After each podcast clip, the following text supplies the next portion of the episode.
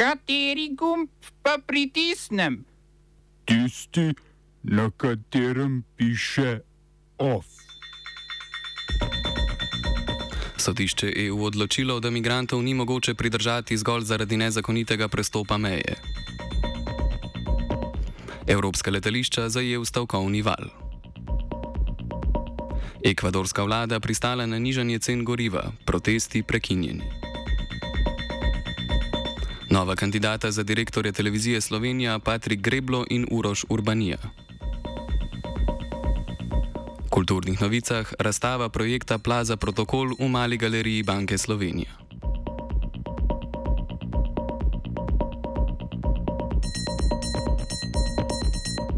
Sodišče Evropske unije je razsodilo, da države ne smejo avtomatično pridržati migrantov samo zaradi nezakonitega prehoda meje.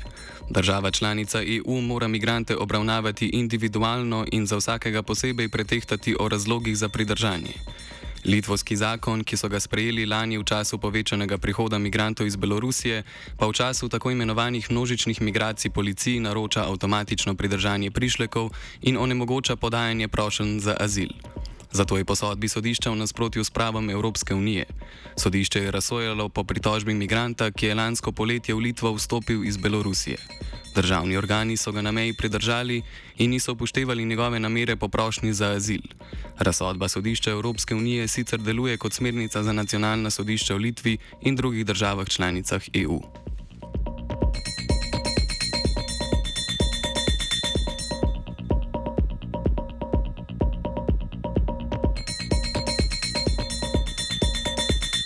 Evropska letališča so ob začetku poletja zajeli stavkovni valovi, delavci na letališčih in kabinsko osebje letalskih ponudnikov namreč zahtevajo boljše delovne pogoje.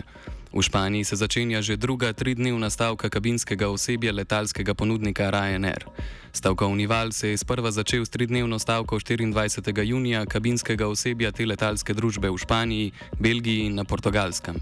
V soboto so se protestom pridružili tudi delavci v Franciji, v nedeljo pa še v Italiji. Devetdnevno stavko pa pripravljajo tudi zaposleni letalske družbe EasyJet.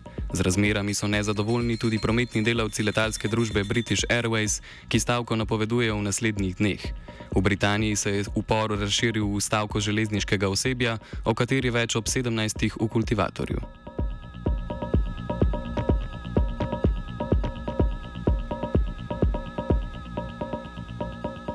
Predsednik Združenih držav Joe Biden je podprl izredno ukinitev obstrukcije oziroma tako imenovanega filibustra v Zvezdnem senatu, da bi zaščitil pravico do splava.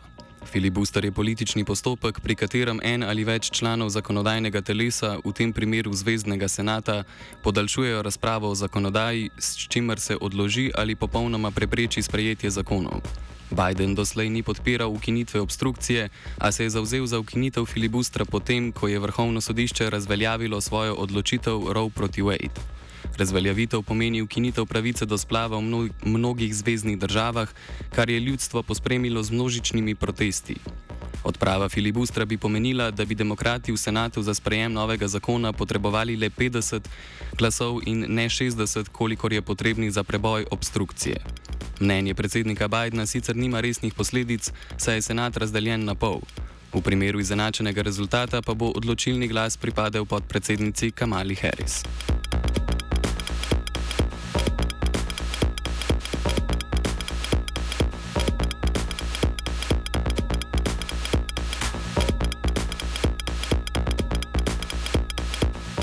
Ostajamo v Združenih državah, kjer je vrhovno sodišče omejilo pooblastila Ameriške zvezdne agencije za zaščito okolja, krajše EPA, glede regulacije izpustov toplogrednih plinov. Gre za še eno v vrsti konzervativnih odločitev vrhovnega sodišča. Vrhovno sodišče agenciji sicer ni v celoti preprečilo sprejemanja regulacij, a jih bo moral vsakeč znova odobriti oziroma zavrniti kongres. Po utemeljitvi predsednika sodišča Johna Robertsa ima pooblastila za uvajanje tovrstnih regulacij le izvoljeno telo, torej kongres, ki po njegovem za odločanje agencije ni pooblastil. Kongres je v preteklosti sicer že zavrnil predloge agencije, kar pomeni tudi velik poraz za okoljsko politiko predsednika Bidna. Bidenova vlada je želela zmanjšati izpuste toplogrednih plinov v Združenih državah za polovico do konca leta 2035. Agencija EPA pa je skušala omejiti izpuste v termoelektrarnah. Primer je sprožila Zvezdna država Virginija v imenu 18 zvezdnih držav, ki jih vodijo pretežno republikanci, v njih pa so tudi največji premogovniki v državi. V primeru regulacij, ki jih je želelo uvesti EPA, bi morale države prenehati z uporabo premoga.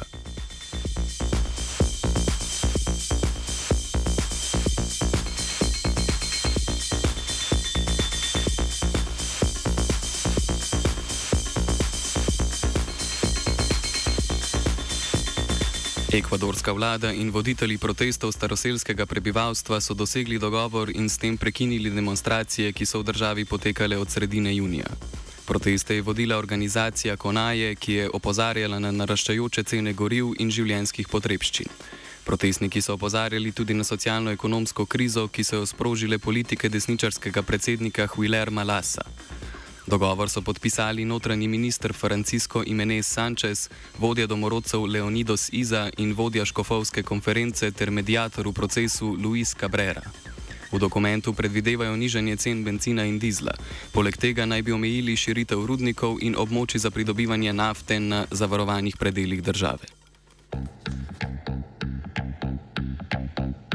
Smo se osamosvojili, nismo se pa osvobodili.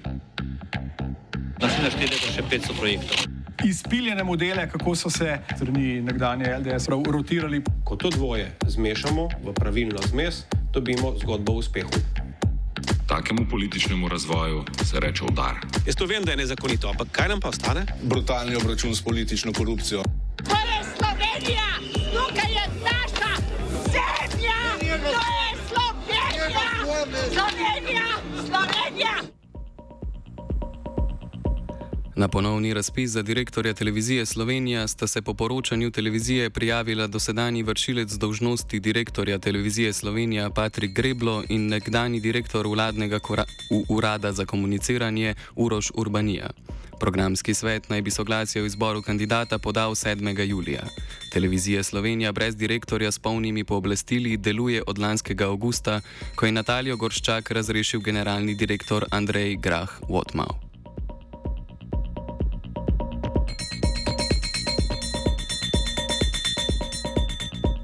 Banka Slovenije je spremenila makrobonitetne omejitve kreditiranja prebivalstva, ki bankam omogočajo bolj svobodno odločanje pri presoji, komu podeljujejo kredit.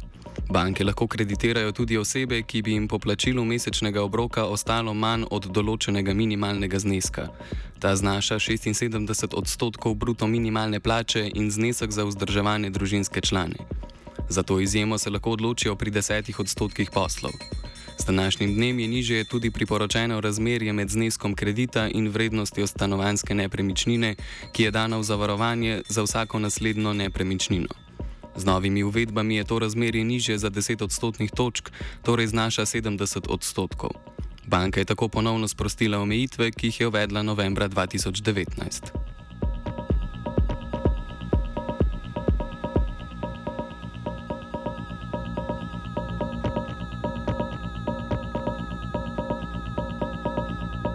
Kandidaturo za predsednika države je uradno napovedal tudi kočevski župan Vladimir Prebilič.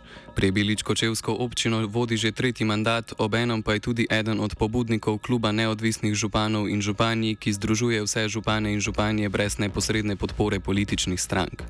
Deluje kot profesor obramboslovja na fakulteti za družbene vede, skozi svojo politično kariero pa ni skrival afinitet do stranke socialnih demokratov. S kandidaturo se Prebilič pridružuje Marti Kos, Nataši Pirc Musar, Nini Krajnik in Gregorju Bezenšku mlajšemu v boju za zmago na predsedniških volitvah. OF je pripravila Tija.